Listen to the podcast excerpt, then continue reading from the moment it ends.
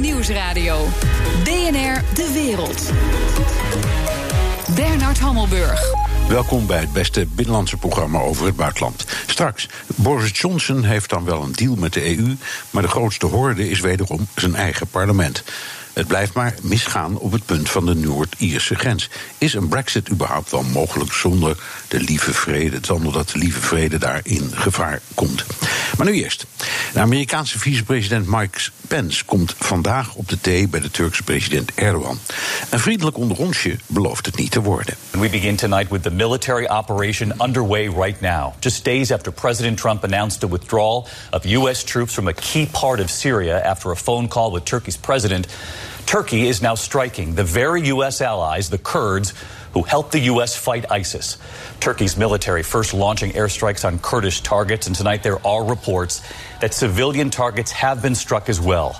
Civilians now trying to flee to safer ground. Officials there are warning of a humanitarian catastrophe tonight. Ik ga praten met Joost Lagendijk, auteur van onder meer Erdogan in de notendop en onze correspondent in Turkije. Dag Joost. Goedemiddag.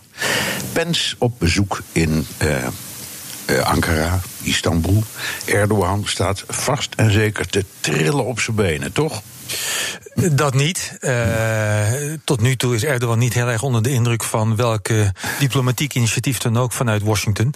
Uh, maar uh, het zou toch wel iets kunnen opleveren. Maar dat is denk ik afhankelijk van twee zaken. Eén is de, de eis van de Amerikanen. vandaag is as we speak.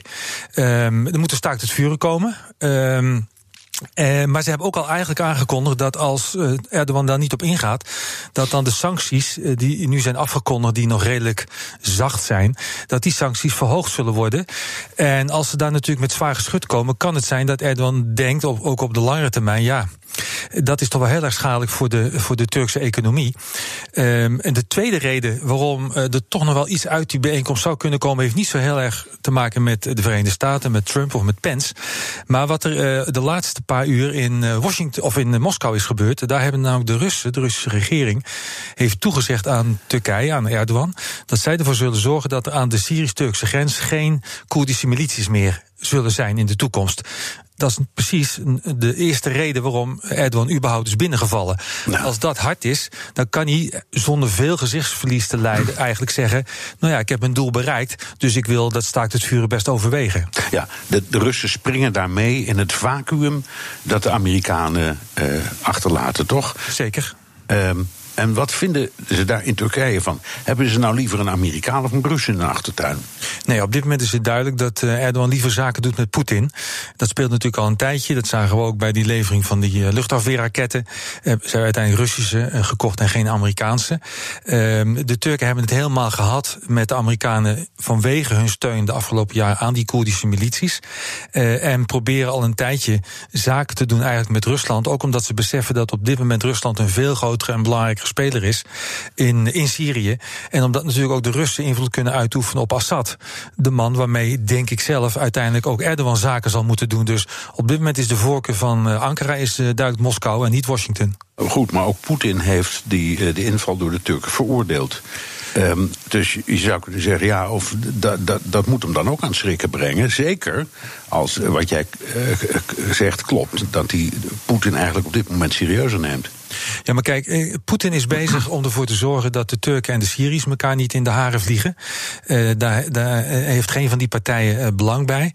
En je ziet al in de reacties vanuit Rusland, niet alleen van Poetin, ook van zijn adviseurs over Syrië, van Lavrov, de minister van Buitenlandse Zaken, zie je zich wel een bepaald patroon ontwikkelen. En dat is dat zij teruggrijpen of steeds verwijzen naar een oude afspraak tussen Syrië en Turkije, de zogenaamde Adana-overeenkomst in 1998. Er staat heel kort in dat Syrië Syrisch grondgebied niet gebruikt mag worden om aanvallen op uh, Turkije uit te voeren door Koerden.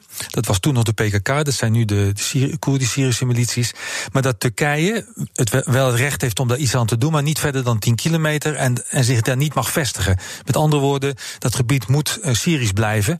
En het zou me niet verbazen als dat een beetje de basis wordt voor een nieuwe deal. En, en de enige die dat op dit moment kan afdwingen, zowel in Ankara als in Damascus, is Poetin. Dus Erdogan is eigenlijk wel gedwongen om naar Poetin te luisteren. Ja.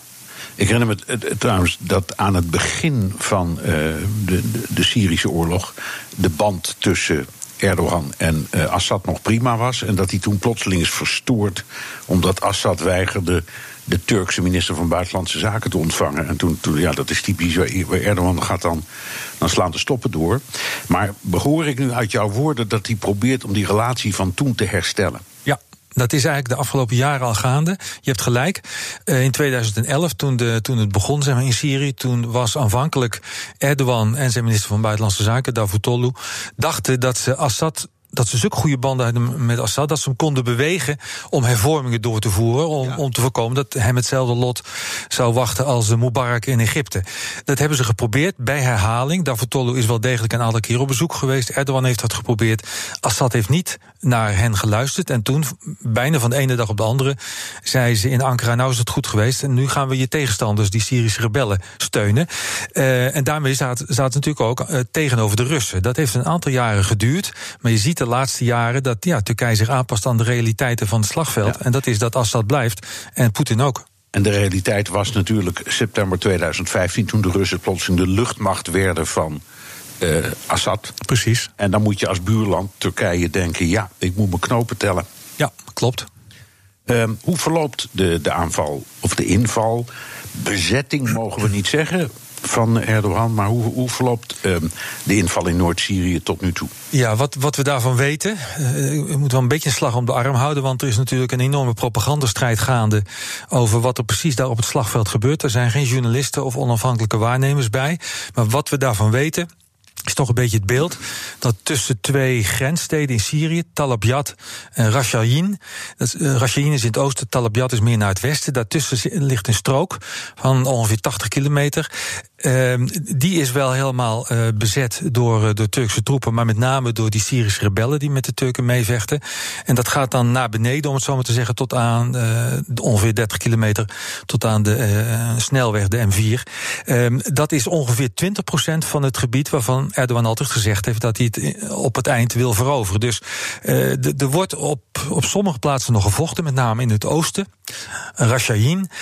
maar op veel andere plaatsen is het rustig en staan eigenlijk de Turken Tegenover de Syriërs en er is een soort uh, surplus.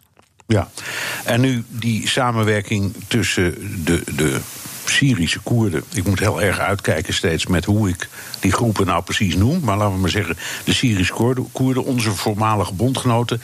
De conctie met uh, Assad, met het Syrische leger. Wat betekent dat voor Turkije? Is dat een serieuze tegenstand? Of halen ze daar hun schouders voor op? Of, als ik jou goed begrijp, komen ze misschien helemaal zover niet?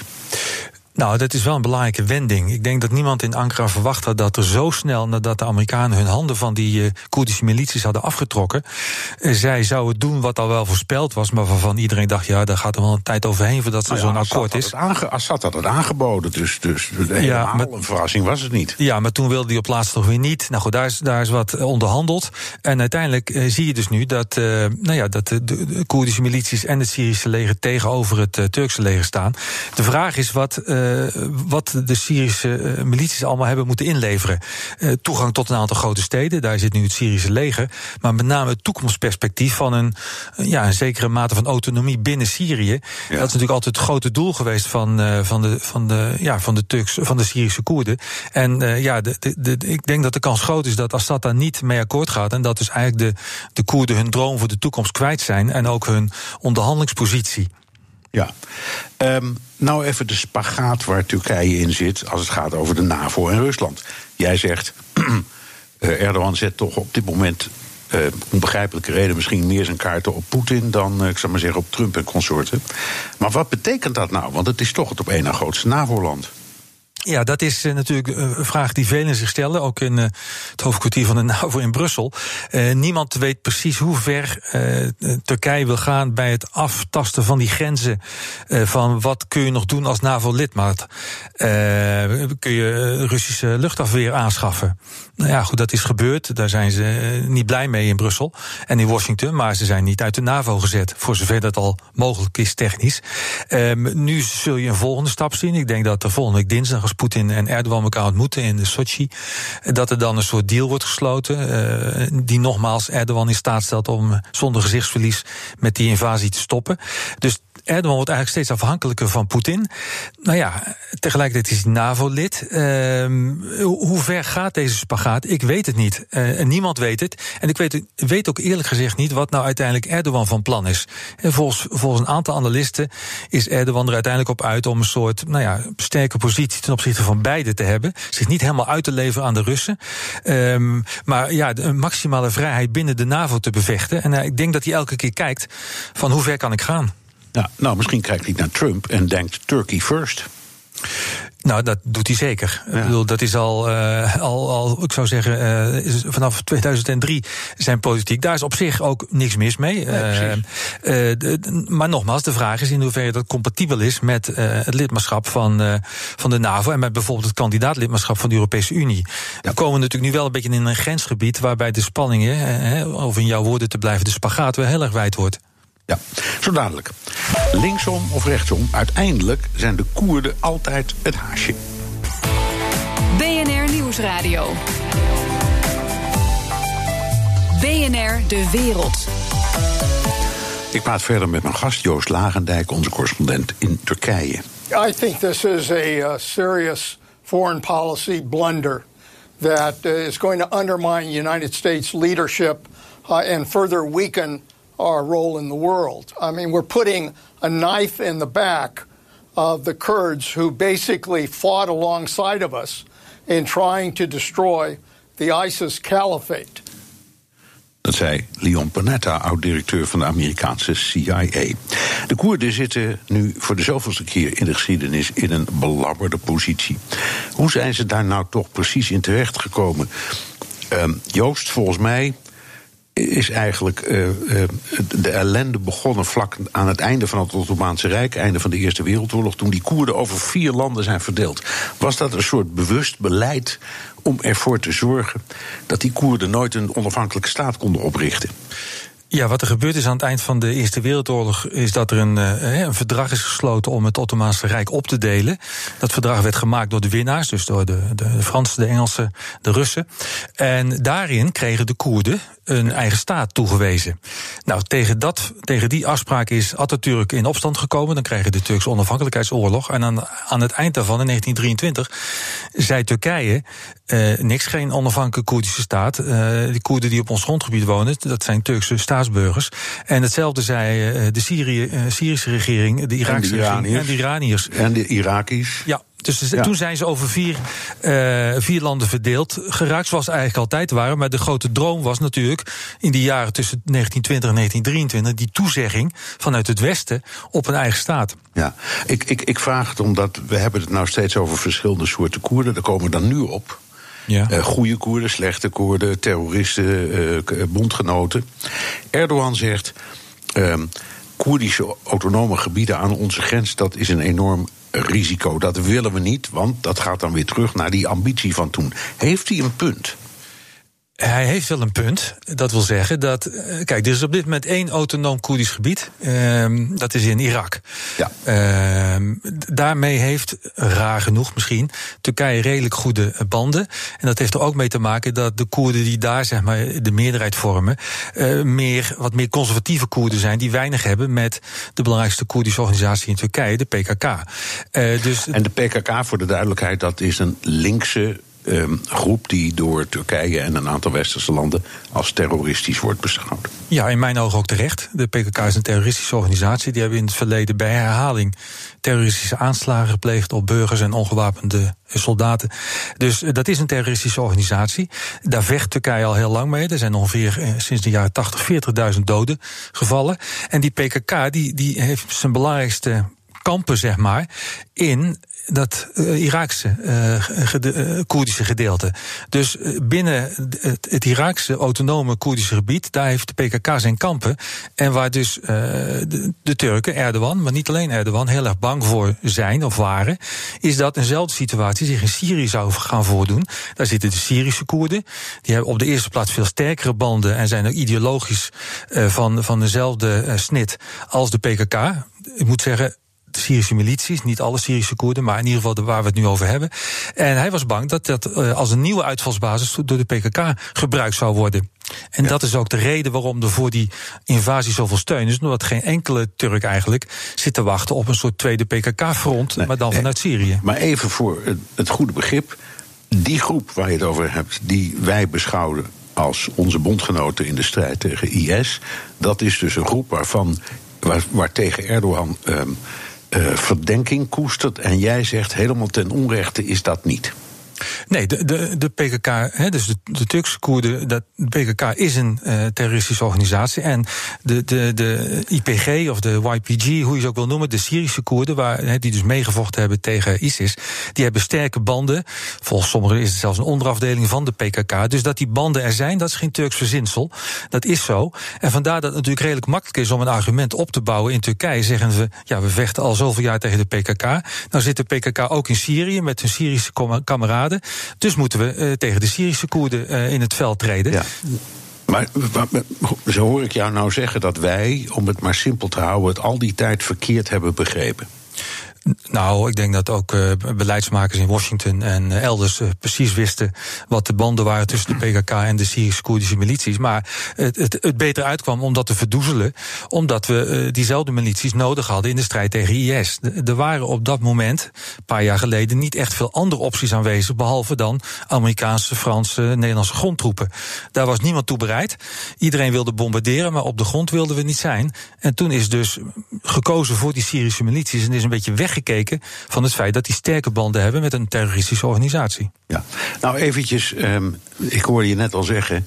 De, de steun eigenlijk voor dit beleid, voor, of voor deze, deze gedachte van Erdogan, het is eigenlijk één potnat PKK en YPG, dat leeft ook onder de Turkse bevolking. Dus daar heeft hij wel steun voor.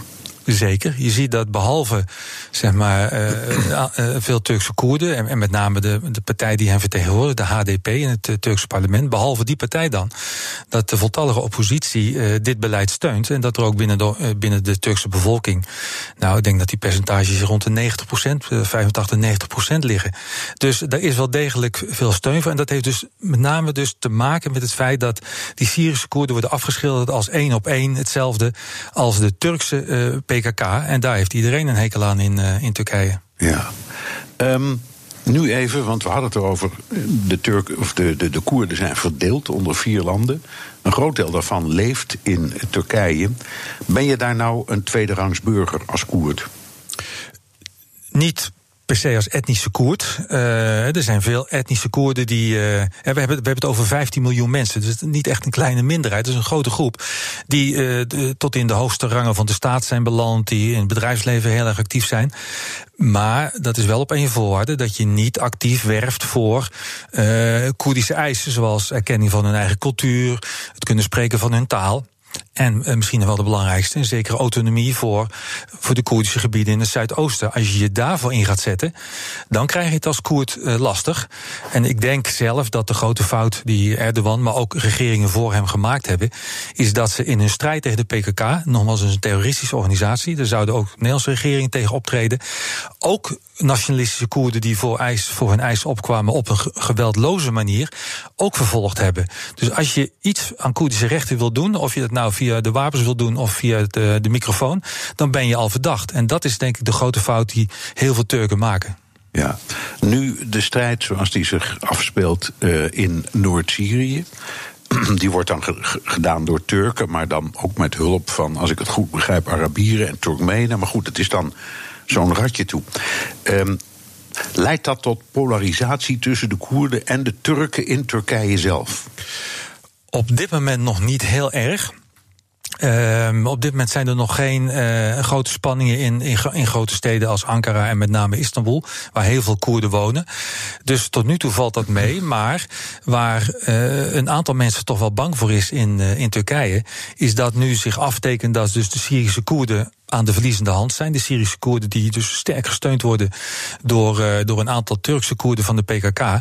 Dat als een soort uh, wraakactie wellicht de, de Turkse PKK zijn acties in Turkije weer gaat opvoeren via bomaanslagen, et cetera. Dus en dat, dat is eigenlijk brengt, de angst. En dat brengt het verhaal via een omweg toch naar onszelf. Wij komen of als toeristen of als uh, ondernemers graag in Turkije. Is dat iets waarvan je zegt dat moet ik je toch even onderraden voorlopig? Nou, toeristen gaan naar, eh, met name naar de zuidkust en de Mhm. westkust uh, van Turkije. Uh, daar, daar zijn in het verleden wel een enkele aanslag geweest, maar daar pleegt de PKK meestal zijn aanslagen niet. Die zijn toch meestal gericht op militaire doelen, kazernes, politiekantoren en, en, en, de grote steden. dus het effect is vooral om de Turkse bevolking zelf angst aan te jagen, niet zozeer meestal in ieder geval, om, uh, om, terror, om toeristen uh, ja. af te schrikken. En, en, en, en, en steden als uh, Istanbul en Izmir en Ankara, waar mensen toch ook graag en veel komen? Ja, daar, daar heerst die angst met name van een soort wraakacties van, van de PKK in, in Turkije. Daar is ook wel toe opgeroepen door een aantal uh, Koerdische leiders. Dus uh, die vrees is er nog steeds. En die, ik denk dat die nog wel een tijdje zal blijven, omdat het, he, zoals we al besproken, het ernaar uitziet dat, dat de Syrische Koerden toch het onderspit gaan delven in, uh, in Syrië. Ja, één laatste kort vraagje.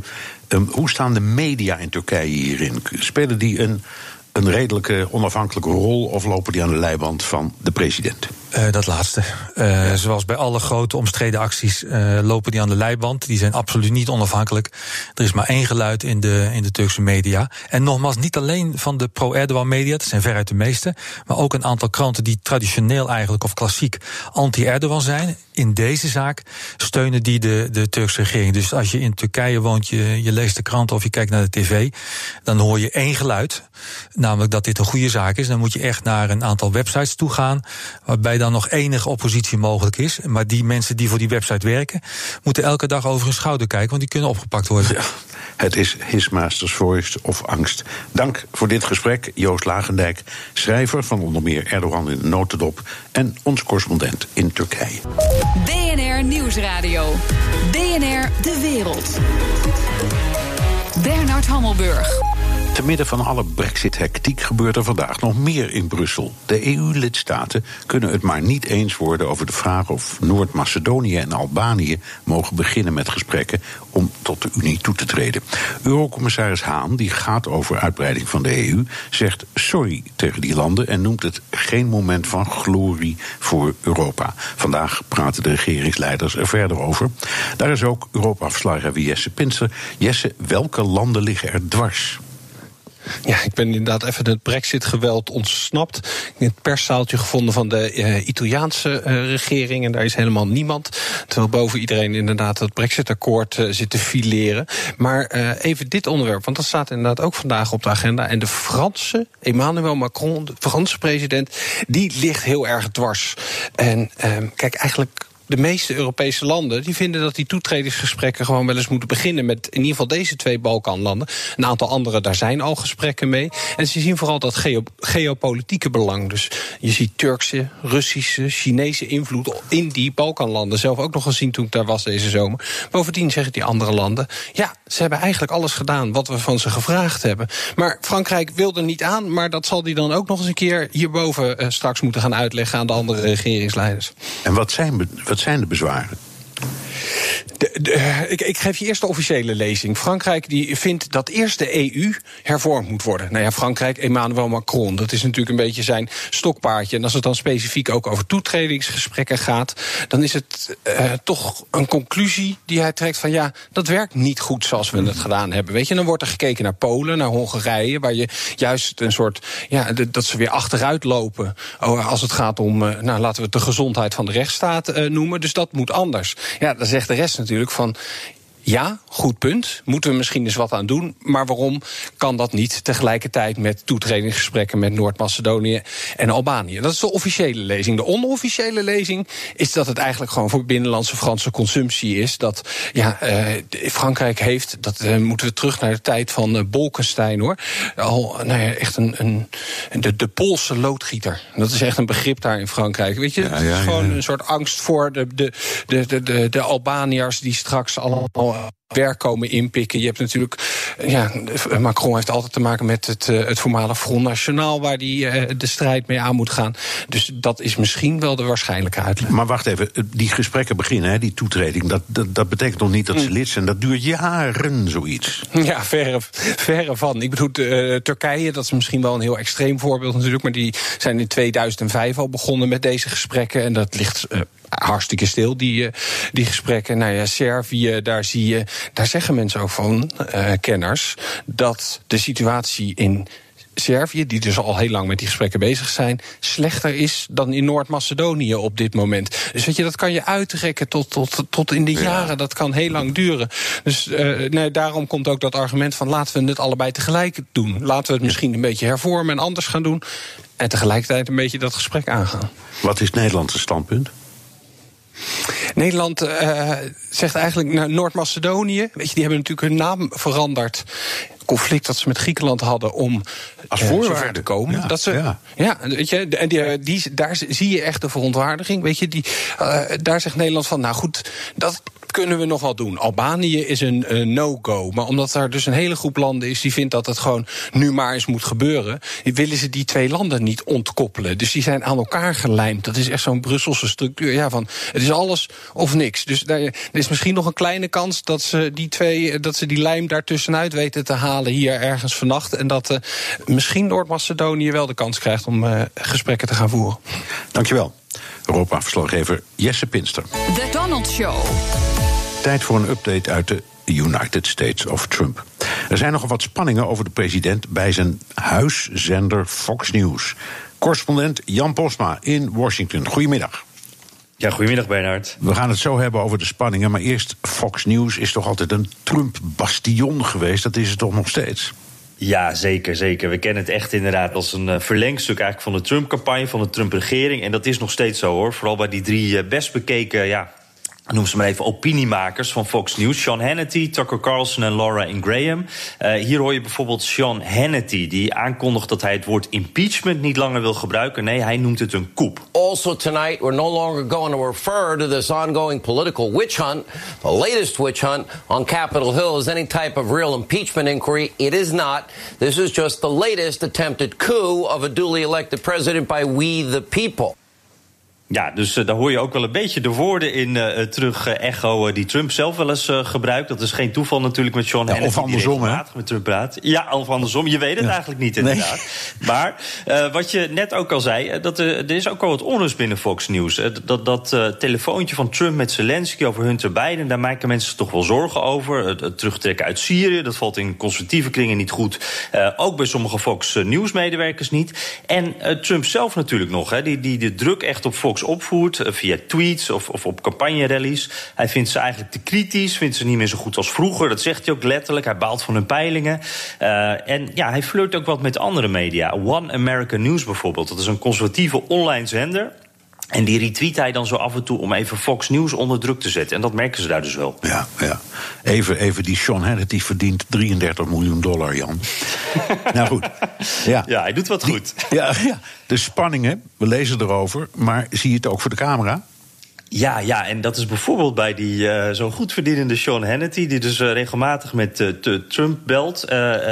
ja, dit, dit, is aan het einde, wat ik je wil laten horen, het einde van Hannity's programma. En Laura Ingraham, die staat dan, het is een soort splitscreen. Ze praten dan even met elkaar on-air over de onderwerpen van het volgende programma. Nou, en als je dan het gezicht van die Ingraham kon, kon zien, ja, er gebeurt namelijk dit. Hannity, fantastic show, and Thank we are right, can ready I lodge to go. a complaint? Yeah. Am I allowed? Yeah, sure. Okay. So I'm watching the rest of the president's speech in New Mexico last night. I wanted to see the ending. you cut to your debate early, and I want it was just at the end. Sorry. I loved watching your show too, Is but that I the White see- House speaking, or is that you? No, that's Sean Hannity speaking. I went down to watch the rest of couldn't it. tell. Ja, dat is wel een hele mooie. Graham echt naar het gezicht ijzig. En dan zegt ze dus inderdaad, hoor ik nou jou of is dit het Withuis? Ik, ik hoor het verschil niet meer. En uh, zo uh, zijn er meer voorbeelden. Tucker Carlson bijvoorbeeld, die maakte on-air ruzie met uh, Shep Smith. Uh, dat is een van de ja, mensen van de, de journalistieke kant van Fox News, zeg maar. En die is nu na 20 jaar Fox News opgestapt. Die heeft ontslag genomen. Ja. Trump, Trump flirt met andere conservatieve media, maar Fox News blijft toch het belangrijkste voor Trump? Ja, ja het, is nog steeds verreweg de best bekeken nieuwszender van Amerika. Ik, ik zat er nog even te, checken hoe dat nou precies zit. Naar Fox kijken op dit moment nog steeds gemiddeld net zoveel mensen als naar MSNBC en CNN gecombineerd. Dat zijn de nummer 2 en 3. Nou, die drie opiniemakers die ik net noemde, uh, waaronder Hannity, dat zijn de drie best bekeken nieuwsprogramma's van Amerika. Uh, Trump heeft natuurlijk zijn tweets, maar zijn kiezers die zitten niet allemaal op Twitter. Die kijken allemaal Fox. Nou, uh, Geraldo Rivera, ook zo'n Fox talking head, hè, die uh, zei in het programma van Sean Hannity heel pakkend hoe belangrijk Fox News is voor Trump. Uh, Hannity was daar zelf niet zo blij mee. Nou, Rivera die zegt: Sean Hannity, jij bent eigenlijk het verschil tussen Richard Nixon en Donald Trump. You know, if it wasn't your show, Sean, they would destroy him absolutely. You're the difference between uh, Donald J. Trump and Richard Nixon. Uh, in Nixon's case, if he had someone that stuck up for him, he wouldn't have been, uh, you know, uh, motivated to cover up that burglary. He would have let the oh, perpetrators Geraldo, get their just I desserts. I don't necessarily agree with your analysis. Zo. Dus uh, je, je kunt zeggen dat Geraldo zegt. Uh, je had een journalist nodig gehad, of als je dat zo kunt noemen, om je te beschermen. Dan had je niet hoeven aftreden. Daar komt het op neer. Ja, ja, dan komt het een het beetje neer als je zo'n... Uh... ja. ja. en dat zo okay. op Fox News. Oké, okay. dankjewel Jan Posma in Washington. En zo dadelijk. Hoe sluit je een Brexit-deal zonder dat je daarmee, geen grap, het Noord-Ierse vredesakkoord opblaast? BNR Nieuwsradio. BNR De Wereld. We've got a great deal that takes back control, twitterde Boris Johnson vandaag. Die deal heeft hij dan wel met de EU, maar de grootste horde voor Johnson is niet Brussel, maar zijn eigen parlement. Hopes of a Brexit deal appeared to fade early Thursday.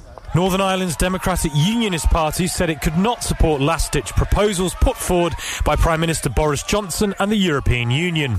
Ik ga daarover praten met Pieter Kleppen, hoofd van de Brusselse vestiging van de denktank Open Europe. Dag meneer Kleppen. Goedemiddag. Goedemiddag. Uh, nou, een deal met de EU is dus rond. Nu moet Johnson die deal nog door het lagerhuis loodsen. Dat hebben we bij mevrouw May ook een aantal keren meegemaakt. En ook bij hem. Hoe groter is de kans dat het nu wel lukt? Ja, het lijkt opnieuw uh, zeer moeilijk, jammer genoeg. Uh, dus de DUP, dus die Noord-Ierse partij, die toch tien parlementsleden heeft, die echt wel heel belangrijk zijn, uh, ja, die, die zijn officieel tegenstander van het, uh, van het akkoord. Ja, dat, hebben ze inmiddels, dat hebben ze inmiddels ook al meegedeeld, hè? Dat ze gaan tegenstemmen. Ja, ja. Ze hebben een, een persbericht daarover uh, verstuurd, uh, uitgelegd waarom ze tegen zijn. Omdat, uh, omdat ze vinden dat het niet kan, onder meer dat er, dat er douanecontroles komen tussen Noord-Ierland en Groot-Brittannië. Ik moet zeggen, ze waren daar niet zo fel in. ze leken te suggereren dat als er wat minder bureaucratie is, dat, dat dat men misschien toch tot een akkoord kan komen. Uh, nu, het grootste probleem dat ze hebben is uh, dat er eigenlijk wordt voorgesteld dat um, in Noord-Ierland een meerderheid uh, van het parlement moet beslissen. de facto zes jaar na het einde van de transitie, dat is dus 2021 plus 6, 27, of twee jaar daarna. Als die transitie wordt verlengd, moet een meerderheid beslissen of dat ze al dan niet um, blijvend de Europese regels willen vorm, volgen in Noord-Ierland. Nu, wat is het probleem van de DUP? Zij zeggen uh, dat in het Goede Vrijdagakkoord is bepaald dat uh, elke gemeenschap in feite een soort uh, van een veto uh, krijgt. Dus zij vinden dat, zij, dat, dat dat Goede Vrijdagakkoord eigenlijk een beetje wordt verwaterd. Dat ja. de bescherming voor de unionisten niet langer zo sterk is als gevolg nee. hiervan. Mag ik het even uit elkaar plukken? Want het zijn nogal een paar dingen. Eerste plaats zegt u, de DUP zegt wel nee. Maar het is niet een keihard nee. En het heeft eigenlijk, even in mijn woorden dan, te maken met die denkbeeldige grens in zee. Zeg ik het zo goed?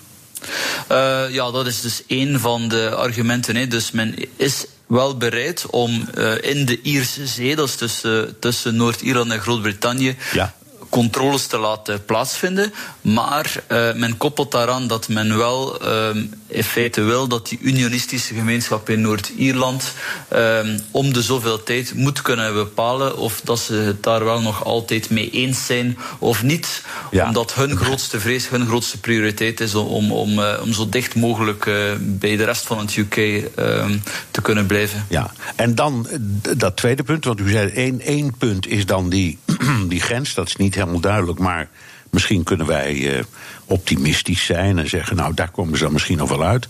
En dan dat stemmen met een absolute meerderheid of die gemeenschappen. Kunt u dat nog even toelichten? Want in dat Goede Vrijdagakkoord, daar, daar staat in feite. Er is geen grens tussen Noord-Ierland en Ierland. Je kunt uh, zelf kiezen welke nationaliteit je kiest. Het verkeer van goederen en mensen is vrij. En hoe linksom of rechtsom met zo'n brexit komt daar toch een beetje een einde aan, toch? Ja, uiteraard. Dus de status van Noord-Ierland uh, verandert wel, uh, tot op zekere hoogte. Nu, uh, in het Goede Vrijdagakkoord was natuurlijk bepaald dat dat deel van de UK bij het Verenigd Koninkrijk blijft. en dus bij gevolg ook de UK volgt als dat land beslist al dan niet lid te zijn van een bepaalde internationale organisatie. maar natuurlijk in de praktijk komen er wel wat veranderingen. Nu, het compromis is dus inderdaad dat er geen grenscontroles komen tussen Noord-Ierland en de Ierse Republiek. Uh, maar dat aan de andere kant Noord-Ierland wel degelijk zal kunnen genieten van het Brits onafhankelijk handelsbeleid dat er uh, ten laatste tegen 2023 uh, zal zijn. Ja. dus zeer moeilijk natuurlijk om, al die zaken met elkaar te, te verzoenen, maar men heeft ergens proberen in het midden te landen en de DUP vindt dat, dat de Europese Unie niet, niet, ver, is, niet ver genoeg is gegaan. Wat, wat had de DUP nog gewild? Hoe ver had de, de, de Europese Unie volgens de DUP dan voor, dus voor, voor de, volgens de, de, de Noord-Ierse unionisten moeten gaan?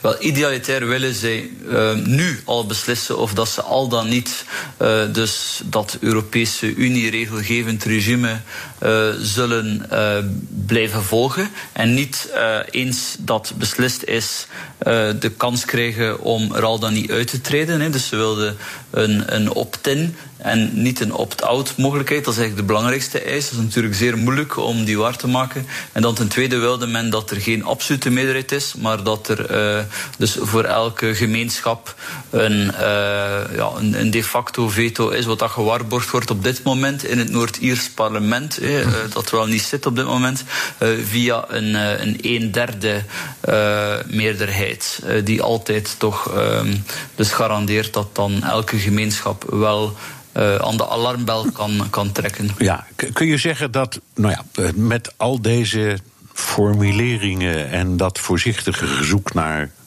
Het eindeloze gezoek, moet ik zeggen, naar een alternatief. Het woord backstop uit het jargon is verdwenen? Ja, inderdaad, want de backstop was ook een tijdelijke oplossing. Wat er nu in het akkoord staat, is in feite een permanente regeling. Dat is wel een goede zaak, denk ik. Het biedt zekerheid aan, aan iedereen. Ja. Um, en uh, kun je ook zeggen, want dat gevoel krijg ik als ik naar u luister, dat de hele Europese Unie, de 27 andere landen, maar eigenlijk ook het Verenigd Koninkrijk, worden gegijzeld door dat heel klein plukje unionisten in Noord-Ierland. Ja, dat zullen, dat zullen natuurlijk de Europeanen nu wel zeggen, denk ik. Uh, deels terecht. Aan de andere kant, ja, het is natuurlijk wel de bestaansreden van die partijen. De, de, de Groenen die komen op uh, voor het milieu. En de DUP, die partij, komt op uh, voor de rechten van de unionistische gemeenschap in, in Noord-Ierland. Ja. nu, ik denk dat ja, ze hebben al stappen gezet. Ze staan open voor grenscontroles. Ehm, dus ik denk persoonlijk dat we al heel veel vooruitgang hebben ja. gemaakt. En um, als, er in de, als dit akkoord wordt afgeschoten, zaterdag in het parlement, denk ik dat het verstandig zou zijn om terug aan tafel te zitten. Om uh, misschien met een extra Europese top op die manier toch tot een akkoord uh, te Ja, maar dan, ook dan moet het weer terug naar het lagerhuis, toch? Eh, Ja, uiteraard. En dan, eh, nu is het theoretisch nog mogelijk dat de UK eruit gaat, eh, juridisch gezien.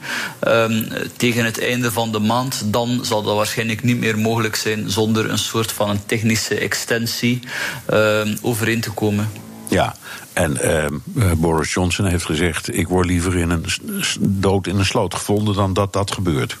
Zo'n zo'n Ja, uitstel. inderdaad. inderdaad. Dus, eh, maar goed, iedereen zal een beetje moeten terugkomen op grote uitspraken en, en rode lijnen die eh, Ja. uiteengezet zijn. Dus eh, dat is tot nu toe wel gebeurd in de laatste week. Ja, dus ik denk dat, we dat pad Ja, moeten dat wou ik echt vragen. U, kun je, kun je, wat we ook vinden, hè, want we kijken allemaal van buiten naar een, een, een ja, toch een soort van thea politieke theatervoorstelling die zich daar in Westminster afspeelt.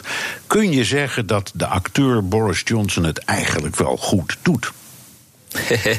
ja, eh, zeker en vast. Maar heeft ook in de praktijk toch wel eh, successen behaald. De Europese Unie was eerst helemaal niet bereid om ehm, dus het bindend deel van het akkoord te wijzigen. Dat is uiteindelijk toch gebeurd. De Ierse regering was in het begin eh, helemaal niet akkoord om een soort van een time limit, dus en een unilateraal exitmechanisme eh, voor Noord-Ierland eh, te voorzien. Dat is uiteindelijk toch eh, overeengekomen. Dus ik denk dat, dat natuurlijk de Britten hebben ook heel wat toegevingen gedaan. Maar eh, ja, kijk. Alle, alle rode lijnen die zijn uitgezet, die zijn toch wel sterk verwaterd, denk ik. Ja. Ehm, kun je zeggen dat de, de EU, nou ja, uiteindelijk eh, is gaan draaien? Omdat, omdat ze zeggen, nou misschien, misschien is dit wel wat. Eh, en tegelijkertijd dat ook de, de Europese Unie wel erg koppig is geweest in deze hele affaire. Ja, men heeft heel veel tijd verloren. Nee, het wordt natuurlijk veel gezegd en geschreven dat dat de schuld is van de UK. Dat is eh, deels juist. Maar, maar eh, reeds in november van verleden jaar wist men dat, eh, dat het akkoord dat Theresa May toen had onderhandeld een, zeer weinig kans had om door het parlement te geraken. En men heeft dan toch koppig geweigerd om, om dat te heronderhandelen. Dat kon allemaal niet. Eh, dus uiteindelijk Maar wacht even, in, het is wel eh, belangrijk wat u zegt. Dat is precies een, een jaar geleden. Wat had de Unie dan moeten zeggen op dat moment? De Europese Unie had, gewoon moeten zeggen van kijk, ja, eh, terecht of onterecht, maar een, meerderheid in het Brits parlement is hier niet mee akkoord, dus we gaan opnieuw aan tafel zitten. Eh te meer, daar, eh, het Brits parlement is, geen clubje Brexiteers of zo. Eh, Integendeel, een meerderheid is, is nog altijd voorstander van, van Remain.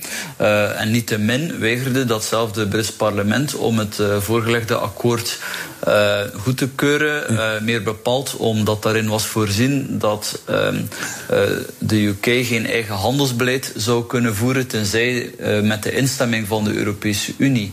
Eh, dat was een van de grote redenen waarom Ja. het akkoord er niet door is Nee, geraakt. even, even, even, want we, we hebben nog maar een paar seconden. Maar hoor ik u een verwijt maken aan Europese leiders, zoals Mark Rutte en anderen, die op dat moment zeiden: luister eens, we zijn uitonderhandeld. We kunnen nou echt niet verder, alles zit erin.